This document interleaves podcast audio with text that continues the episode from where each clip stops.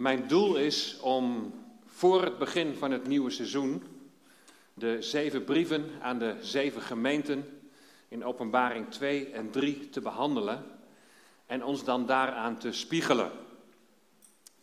Na de vakantie zal ik kijken of ik uh, verder ga met openbaring of dat het wat anders wordt. Maar in ieder geval tot de vakantie even die zeven brieven van de zeven gemeenten in openbaring 2 en 3. Maar er gaat nog een hoofdstuk aan vooraf. De vorige keer was het deel 1 van openbaring hoofdstuk 1 en vanmorgen wordt het dan deel 2 van hetzelfde hoofdstuk. En het zal vanmorgen uh, uit twee delen bestaan. Ten eerste uitleg. Want hoe je hoofdstuk 1 leest, bepaalt hoe je de rest van het Bijbelboek Openbaring gaat uitleggen. Dat is best wel heel belangrijk als fundament. En in het tweede deel zal ik met jullie stilstaan bij die bijzondere openbaring van de Heer Jezus Christus in al zijn glorie. Dit naar aanleiding van hoe hij in de versen 12 tot en met 16 wordt beschreven. We gaan lezen vanaf vers 10, openbaring 1 vanaf vers 10. Ik was in de geest op de dag des Heren en ik hoorde achter mij een luide stem als van een bazuin. En die zei, ik ben de Alpha en de Omega, de eerste en de laatste. En wat u ziet, schrijf dat op, een boekrol, en stuur het aan de zeven gemeenten die in Azië zijn, in West-Turkije. Naar Efeze, naar Smyrna, naar Pergamus, naar Thyatira, naar Sardis, naar Philadelphia en naar Laodicea. En ik keerde mij om om de stem te zien die met mij had gesproken. En toen ik mij had omgekeerd, zag ik zeven gouden kandelaren. En te midden van de zeven kandelaren zag ik iemand die op de zoon des mensen leek.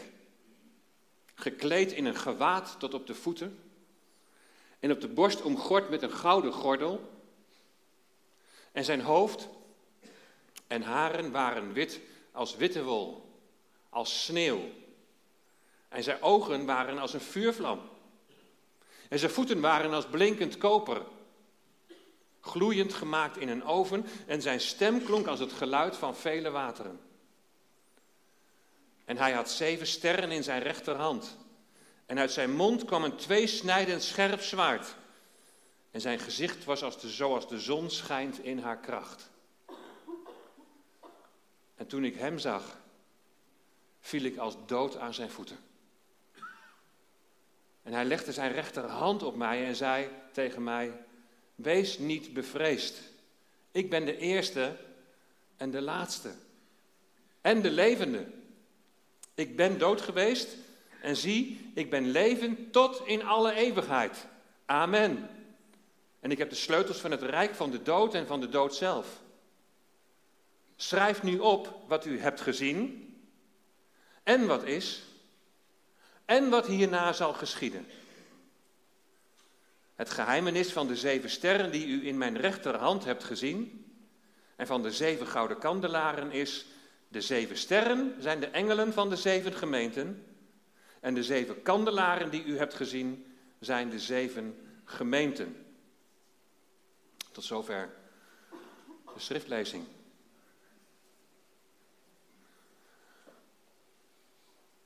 Op 18-jarige leeftijd, zo ongeveer, 1984, waren net iets meer dan een jaartje verkering met elkaar, zaten we op de Bijbelstudie voor de jeugd in de Baptistengemeente in Deventer. Karin die zit daar links eh, vooraan.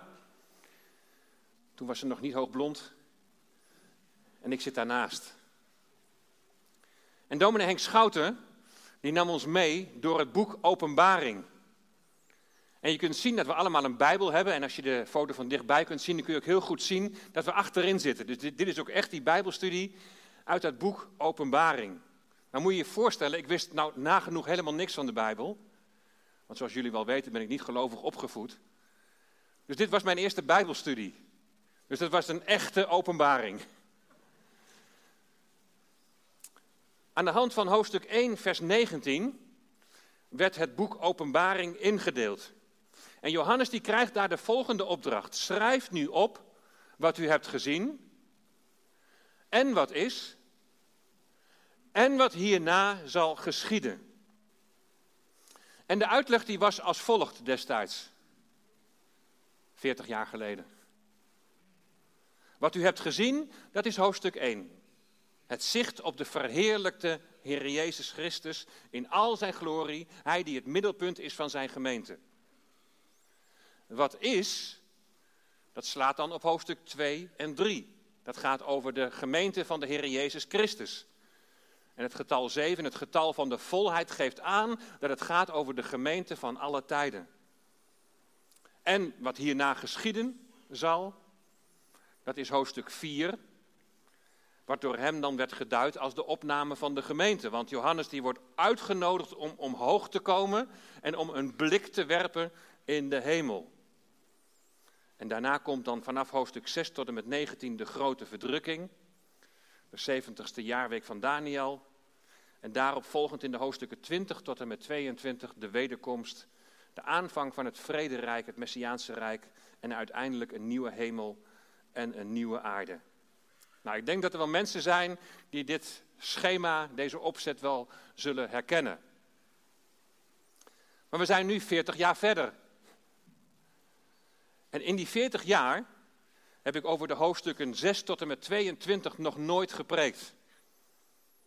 Hoofdstuk 6, die heb ik wel eens betrokken bij de uitleg over Matthäus 24, over de tekenen der tijden, omdat er grote overeenkomsten zijn tussen die twee hoofdstukken. En ook bij de behandeling van het Bijbelboek Daniel, natuurlijk in de afgelopen tijd, heb ik regelmatig een doorkijkje gegeven, ook naar het Bijbelboek Daniel, ook naar deze hoofdstukken. Wat is er in die, die 40 jaar gebeurd? En ik wil jullie een beetje meenemen in mijn zoektocht. En ik zou je willen aanmoedigen, zoek mee. Een zoektocht die nog lang niet ten einde is. En ik verwacht dat die zoektocht nog wel mijn hele leven gaat duren. Heel veel van het onderwijs destijds is blijven staan. Maar er zijn twee aspecten, met de kennis van nu, dan zijn er twee aspecten die ik eigenlijk daarin onvoldoende vind meegenomen. En die het doordenken meer dan waard zijn. Allereerst heb ik ontdekt dat je het Bijbelboek Openbaring volgens mij moet lezen door een Joodse bril. Het is de openbaring van de Joodse Heer Jezus, gericht aan de Joodse Johannes. En naar mijn overtuiging richt hij zich voornamelijk tot zijn Joodse geloofsgenoten, die Christus hebben aanvaard als hun heiland en verlosser. En ik zal het uitleggen. De vorige keer, toen heb ik over drie dingen heb ik nog geen uitleg gegeven. Het eerste was aan wie is deze brief, openbaring, aan wie is dat geschreven? Het is gericht aan dienstknechten van God, aan dienstknechten van de Heer Jezus. Maar zo spreekt Paulus bij de aanhef van zijn brieven, spreekt hij de gelovigen niet aan. Dan zegt hij altijd aan de heiligen van, aan diegenen die geheiligd zijn, die apart gezet zijn in de Heer Jezus Christus. Voor dienstknechten staat het woord doulos. En dat betekent slaaf. En dat is veel meer een uitdrukking die gebruikt werd voor het volk van God. Het ligt dan ook voor de hand dat Johannes zich richt tot zijn Joodse geloofsgenoten in de verstrooiing. In de verstrooiing betekent dus niet in Israël, niet in Jeruzalem, maar in de verstrooiing hier in dit geval in West-Turkije. Het tweede wat ik heb laten rusten de vorige keer, dat staat in vers 6. Die ons gemaakt heeft tot koningen en priesters. Ook zo'n oud-testamentische Hebreeuwse uitdrukking. En je komt die uitdrukking kom je wel tegen in het Nieuwe Testament, in 1 Petrus. Maar daar blijkt uit hoofdstuk 1, vers 1, dat zijn schrijven ook gericht is aan Joodse geloofsgenoten in de verstrooiing. Dan het derde wat ik nog even heb laten rusten, dat lees je in vers 7. Hij komt met de wolken en elk oog zal hem zien. Ook zij die hem doorstoken hebben en alle stammen van de aarde zullen rouw over hem bedrijven. Ja, amen. Ik heb dit vers wel gelezen. Het is ook helemaal duidelijk. Hè? Het gaat over de wederkomst van de Heer Jezus. Maar het is wat vreemd dat hier staat alle stammen van de aarde. Je zou dan eerder zeggen alle landen hè, van de aarde. Maar het ligt nog anders, want aarde kun je ook vertalen met land. En dan wordt het mijns inziens veel logischer. dan wordt dit vers als volgt. Hij komt met de wolken en elk oog zal hem zien, ook zij die hem doorstoken hebben. En zij zullen rouw over hem bedrijven, alle stammen van het land. Alle stammen van het land, van het land Israël, zullen rouw over hem bedrijven. Dus het eerste wat ik een beetje onderbelicht vind in hoe tot dusver het boek Openbaring aan mij is uitgelegd, is dat je Openbaring moet lezen door een Joodse bril. En door dat te doen, dat heeft ook wel een doel, door dat te doen kan ik voorbeelden en uitdrukkingen in die zeven brieven veel beter begrijpen, die ook een heel sterk Joods karakter hebben. Het tweede aspect heeft te maken met het feit dat in mijn ogen onderbelicht blijft wat nou eigenlijk die boodschap in het boek Openbaring is voor de eerste lezers. Het Bijbelboek Openbaring is profetisch. En de vorige keer heb ik uitgelegd dat dit voor ons vaak betekent profetisch. Nou, dan ligt het dus allemaal in de toekomst. Dat is ook zo. Maar dat dekt niet de hele lading. Voor de Jood was profetie vooral een oproep om terug te keren naar iets wat vergeten was. Het was een waarschuwing om de belangrijke zaken niet te vergeten. Een soort van appel, een soort van vermaning om op de weg van de Heer te blijven. Een boodschap voor de eerste lezers, een boodschap voor ons nu en een boodschap straks tijdens die dag des Heren, die verdrukking in de toekomst. Wat we vaak zien in relatie tot profetie, is dat er sprake is van een heuvellandschap. Er zijn meerdere vervullingen.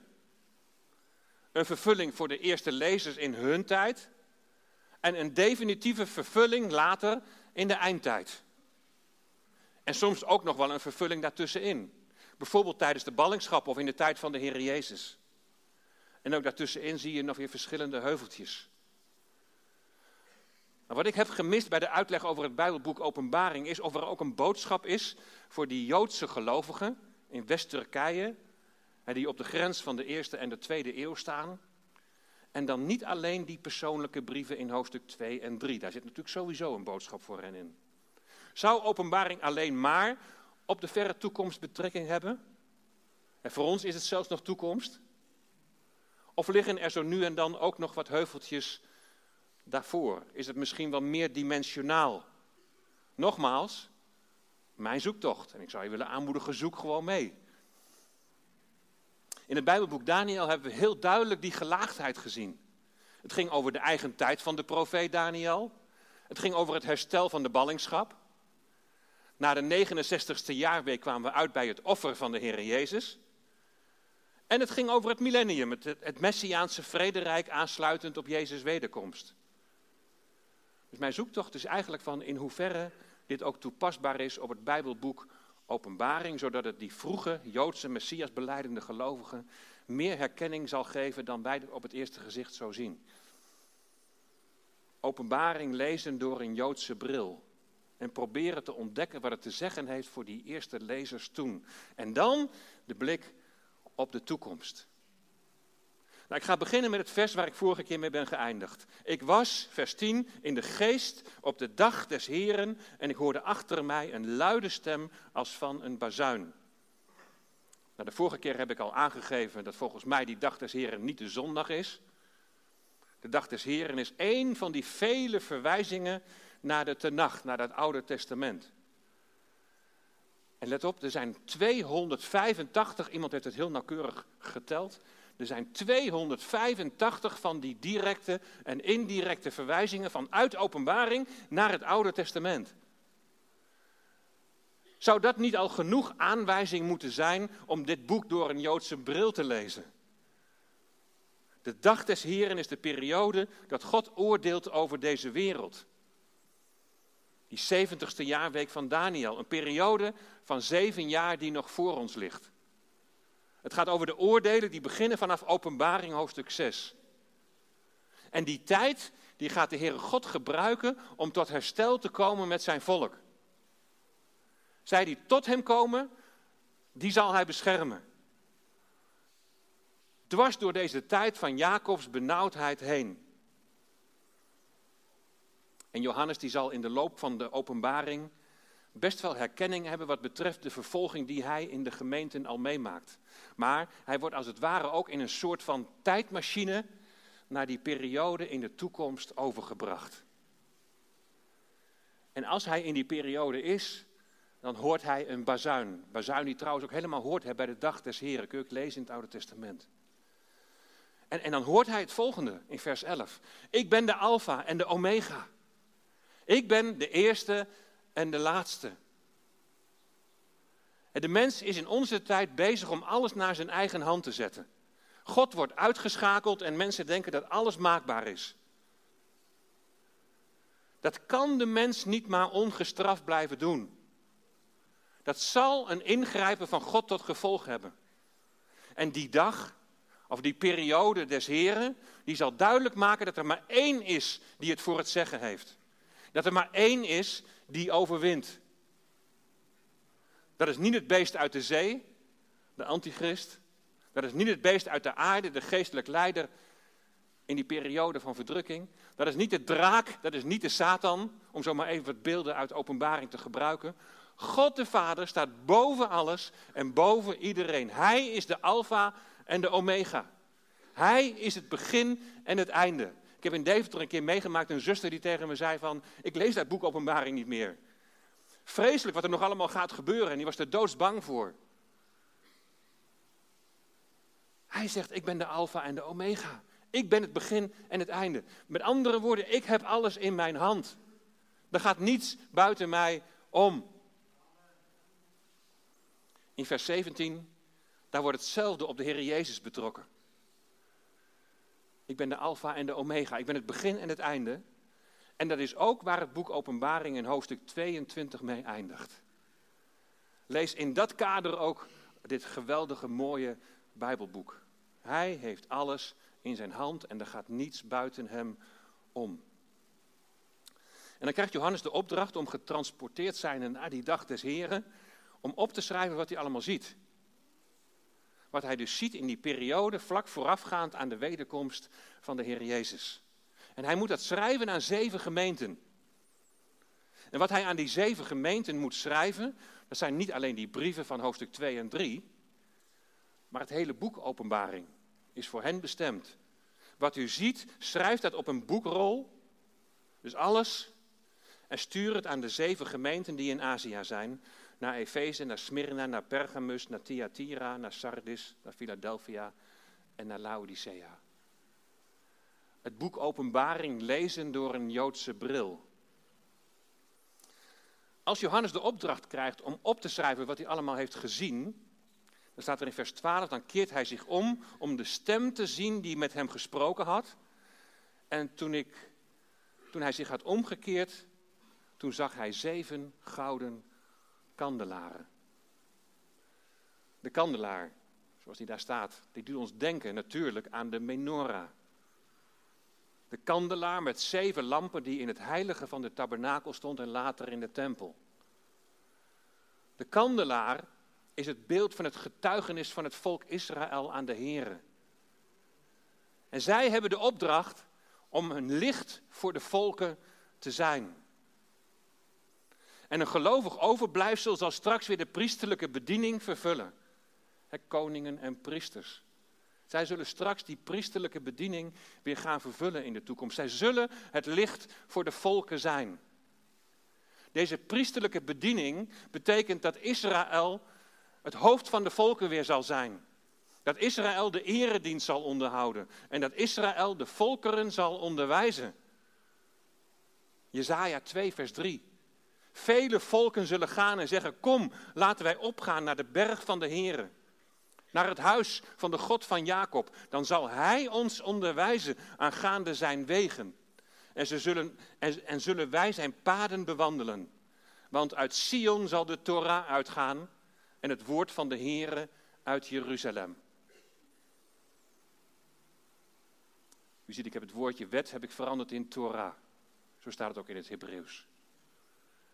Op deze wijze zal God zijn volk in haar bediening gaan herstellen. Zeven gouden kandelaren. Nou, in vers 20 hebben we gezien dat het een aanduiding is voor zeven gemeenten. Zeven gemeenten. Is het een aanduiding voor de gemeente, het lichaam van Christus, zo door de kerkgeschiedenis heen? ook dat wordt wel geleerd bij die zeven brieven, dat elke brief betrekking heeft op een bepaalde periode in de kerkgeschiedenis. Ik heb daar zo mijn vraagtekens bij. Ik denk dat het dan wel heel erg gericht is op West-Europa, maar gemeente. Daarvoor staat het woordje ecclesia.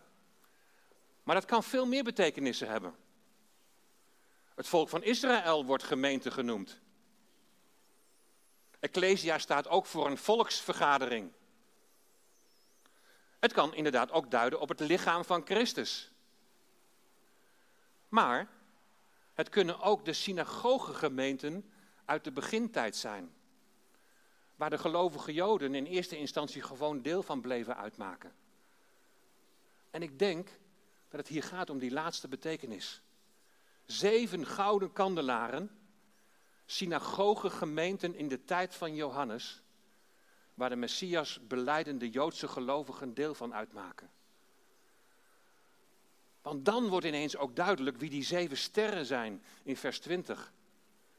Want zijn dat engelen, zoals dat daar staat.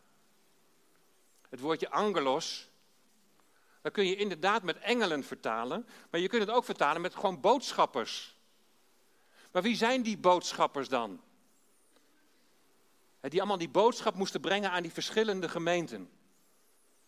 De uitleg die je nog wel eens hoort is dat het zou gaan om de leiders van de gemeente, of zelfs heel specifiek dat het zou gaan om de voorganger van de gemeente. Die hoorde ik onlangs ook nog. Maar laten we de Joodse bril weer eens even opzetten. Angelos betekent afgezand, betekent bode, boodschapper en engel. Nou, in de synagogegemeente vinden we zo'n afgezant. In het Hebreeuws heet hij Sheliach Tzibur. Hij is de voorganger van de gemeente, ook wel de voorzanger of de voorlezer genoemd. Hé, hey, de voorlezer. Dat brengt me bij Openbaring 1, vers 3. Zalig is hij, de Sheliach Tzibur, die leest, die voorleest. Want er waren heel wat mensen die analfabeet waren in die tijd. Zalig is hij, die Sheliach Tzibur, die leest en zij die horen de woorden van de profetie en die in acht nemen wat daarin geschreven staat, want de tijd is nabij. Zie je hoe het allemaal past in die, in die Joodse context? Dit is ook nog eens een keer een zaligspreking. 1 vers 3, zalig is hij die leest. Die zaligsprekingen die kennen we van de bergreden. En de bergreden is de grondwet van God voor het komende Messiaanse Rijk. En weet je hoeveel zaligsprekingen er in openbaring staan? Ja, je kunt het haast al wel raden. Zeven. Zeven zaligsprekingen. Kom je een beetje mee in, in, in mijn zoektocht? Waarom is dit zo belangrijk? Maar dit is belangrijk om hierna de inhoud van de zeven brieven beter te kunnen begrijpen. En dat zal ik de volgende keer wel laten zien. Natuurlijk zijn de Joodse gelovigen in dezelfde geestelijke positie als wij. En we zijn één in het lichaam van Christus. We hebben in één geest toegang tot de Vader en we zijn in Christus een nieuwe schepping geworden. Maar die Joodse gelovigen maken ook nog deel uit van Gods volk. Het volk waarmee hij in die dag des Heren tot zijn doel zal gaan komen. Tot herstel zal gaan komen in koningen en priesters. We gaan ons de volgende keer dus spiegelen aan die zeven gemeenten. En we kunnen daar lering uit trekken. Maar sommige dingen moeten we dan wel even in het juiste perspectief plaatsen. En daarvoor was deze uitleg ook voor vandaag gewoon even nodig als aanloopje. Weet je wat zo mooi is van het boek Openbaring? niet alleen wordt onthuld wat er in de tijd nog gaat gebeuren, maar we zien ook een onthulling van de Heer Jezus zelf. Weet je, je visie op het boek Openbaring, als het gaat om wat nog gaat gebeuren, die visie die kan verschillen. Ik denk als je zowel oog hebt voor de eerste lezers en ontdekt wat op hen van toepassing is in die tijd, en wat voor de toekomst bestemd is, dat bepaalde visies elkaar ook nog niet eens hoeven uit te sluiten. Je visie kan verschillen. Maar in de openbaring van de Heer Jezus, daar vinden we elkaar. Daar ben ik van overtuigd. En daar wil ik het tot slot over hebben. Johannes, die heeft de Heer Jezus tijdens zijn aardse leven gekend. Johannes werd genoemd de apostel die Jezus liefhad. Hij behoorde tot de inner circle van de Heer Jezus samen met Petrus en Jacobus. Johannes was bij de verheerlijking op de berg. En toen zag Johannes al de verheerlijkte Heer Jezus. Matthäus 17, vers 2. En hij werd voor hun ogen van gedaante veranderd. En zijn gezicht straalde als de zon. En zijn kleren werden wit als het licht. En deze aanblik die was toen al overweldigend. En naast de Heer Jezus zijn dan Elia en Mozes. Elia staat voor de profeten. En Mozes staat voor de Torah, voor de wet. Ze staan in de schaduw van de Heer Jezus. De Heer Jezus over wie de Vader zegt, dit is mijn geliefde zoon. Dit is mijn geliefde zoon in wie ik mijn welbehagen heb. Luister naar hem. En toen zagen ze niemand dan Jezus alleen. Hij die de wet en de profeten heeft vervuld. Hij die de vervulling is van de gehele tenacht van het Oude Testament. Alles wijst naar hem. Petrus, Jacobus en Johannes moesten erover zwijgen tot na de opstanding van de Heer Jezus. En nu is Johannes op Patmos. In de geest weggevoerd op de dag des Heren. En hij heeft nog maar net die kandelaren gezien. En dan ziet hij iemand die hem vast doet herinneren aan dat moment op die berg. Toen was de Heer Jezus als mens nog in hun midden. Johannes kreeg daar al een voorproefje van de verheerlijkte Heer Jezus. Maar nu is het na zijn opstanding en na zijn hemelvaart. En Johannes die heeft zijn Heer al tientallen jaren niet meer gezien. En zie dan hoe hij verschijnt. Het moet, het moet echt zo indrukwekkend zijn geweest voor Johannes. En te midden van de zeven kandelaren zag ik, en dan volgen tien kenmerken van de Heer Jezus. De Heer Jezus Christus in al zijn glorie en in al zijn majesteit. Ten eerste iemand die leek op de zoon des mensen. De uitdrukking zoon des mensen hebben we al gezien in Daniel hoofdstuk 7. Deze uitdrukking geeft aan, het gaat om de Messias. De Heer Jezus is de Messias. Hij is de gezalfde van God. Hij is gekleed in een gewaad tot op de voeten. Een lang gewaad hoeft niet direct te duiden op het kleed van de hoge priester, maar hij is natuurlijk wel onze hemelse hoge priester. Maar een gewaad tot op de voeten, dat duidt waardigheid aan. Hij is waardig om te ontvangen lof, dank en ere. De waardigheid van de Heer Jezus. En op de borst omgord met een gouden gordel. Dit doet me denken aan een gouden gesp van koninklijke personen. Het doet ons denken aan de beschrijving in Daniel 10, het goud van Uvas. De Heer Jezus is de komende koning. Het gaat in openbaring immers over de komst van zijn koninkrijk. Jezus de Messias is waardig. Hij komt als koning. Zijn koninklijke waardigheid wordt hier beschreven. Jezus de Messias in al zijn glorie en majesteit. En zijn hoofd en haar waren wit, als witte wol, als sneeuw. En wit is de kleur van reinheid, zonder zonde, volmaakt. Dit geeft aan dat hij tot die hemelse wereld behoort. Het is de openbaring van de hemelse heerlijkheid. En zijn ogen waren als een vuurvlam. Dat zie je ook in Daniel 10, vers 6. Ogen als vuurfakkels. Door de overeenkomst met de beschrijving van de zoon des mensen in Daniel, waar God als rechter op de troon wordt beschreven en de boeken worden geopend, kunnen die ogen als een vuurvlam kunnen duiden op oordeel. En dat zie je ook in het vervolg van het boek Openbaring. Dat zij geoordeeld zullen worden, die Christus Jezus niet hebben aanvaard. En zijn voeten waren als blinkend koper gloeiend gemaakt in een oven. en zijn stem klonk als het geluid van vele wateren.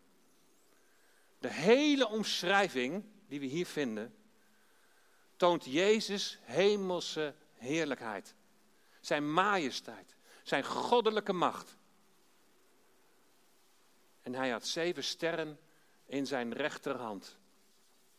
De zeven sterren, de zeven engelen, de zeven boodschappers, die Sheliach Tzibur, die moeten voorlezen de woorden van de profetie. En dat ze in Jezus rechterhand zijn, dat betekent dat ze onder zijn gezag staan. Dat ze aan zijn zorg zijn toevertrouwd. En uit zijn mond kwam een tweesnijdend scherp zwaard. En dit zwaard is een beeld van het oordeel. Een beeld van de rechterlijke autoriteit van de Messias. Hij zal recht spreken. En zijn gezicht was zoals de zon schijnt in haar kracht. De Heer Jezus, voluit getoond in zijn hemelse heerlijkheid. Wie is de Heer Jezus voor jou? Welke Heer Jezus heb jij leren kennen? De reactie van Johannes bij de verheerlijking op de berg en hier in openbaring is hetzelfde. De reactie op de verschijning in heerlijkheid van de Heer Jezus is hetzelfde. Bij de verheerlijking op de berg, als zij de Heere God horen zeggen: Dit is mijn zoon, dit is mijn geliefde in wie ik een welbehagen heb, dan staat er en zij wierpen zich met het gezicht ter aarde en werden zeer bevreesd. Toen Johannes geconfronteerd werd met de heerlijkheid van de Heer Jezus in de geest op de dag des Heren, viel hij als dood voor zijn voeten neer. Wie is de Heer Jezus voor jou? In hoeverre heb je echt ontzag voor Hem? De Heer Jezus die wil zich openbaren in zijn onvoorwaardelijke liefde. Hij heeft jou lief zoals niemand jou lief kan hebben. Maar als hij zich openbaart in zijn glorie en majesteit, dan zie je ook je eigen zondige staat waarin je verkeert als je hem nog niet kent. Ja, dan val je als het ware in ontzag als dood voor zijn voeten neer. Je beseft dat je redding, dat je bevrijding van de macht van de zonde nodig hebt. De reactie van de Heer Jezus is ook in beide situaties hetzelfde. Hoewel hij hoog verheven is, komt hij in zijn ontzagwekkende majesteit komt hij heel dichtbij. Bij de verheerlijking op de berg raakt Jezus Johannes en de zijnen aan en dan zegt hij: Sta op en wees niet bevreesd. En hier in openbaring hebben we exact hetzelfde gelezen. In vers 17: En hij legde zijn rechterhand op mij en zei tegen mij: Wees niet bevreesd. Hij is de eerste en de laatste en de levende. En ik ben dood geweest, zegt Jezus. En zie, ik ben levend tot in alle eeuwigheid. En ik heb de sleutels van het rijk van de dood en van de dood zelf. Als je hem negeert, als je zijn aanbod van genade, van redding negeert, dan zul je na je sterven in de Hades zijn, in het dodenrijk. Het is de verblijfplaats van ongelovigen die wachten op de dag van het grote oordeel. aan het eind van openbaring, de witte troon. Maar Jezus heeft de sleutel. Dat betekent dat Hij koning is over leven en dood. Wie is de Heer Jezus voor jou? Ben je nog onder de indruk dat Hij die hemelse heerlijkheid verliet om zijn leven voor jou te geven? Besef je nog dat jij mede oorzaak was van zijn kruisiging? Heb je in het licht van zijn hemelse heerlijkheid, heb je daarin gezien dat je gered moest worden?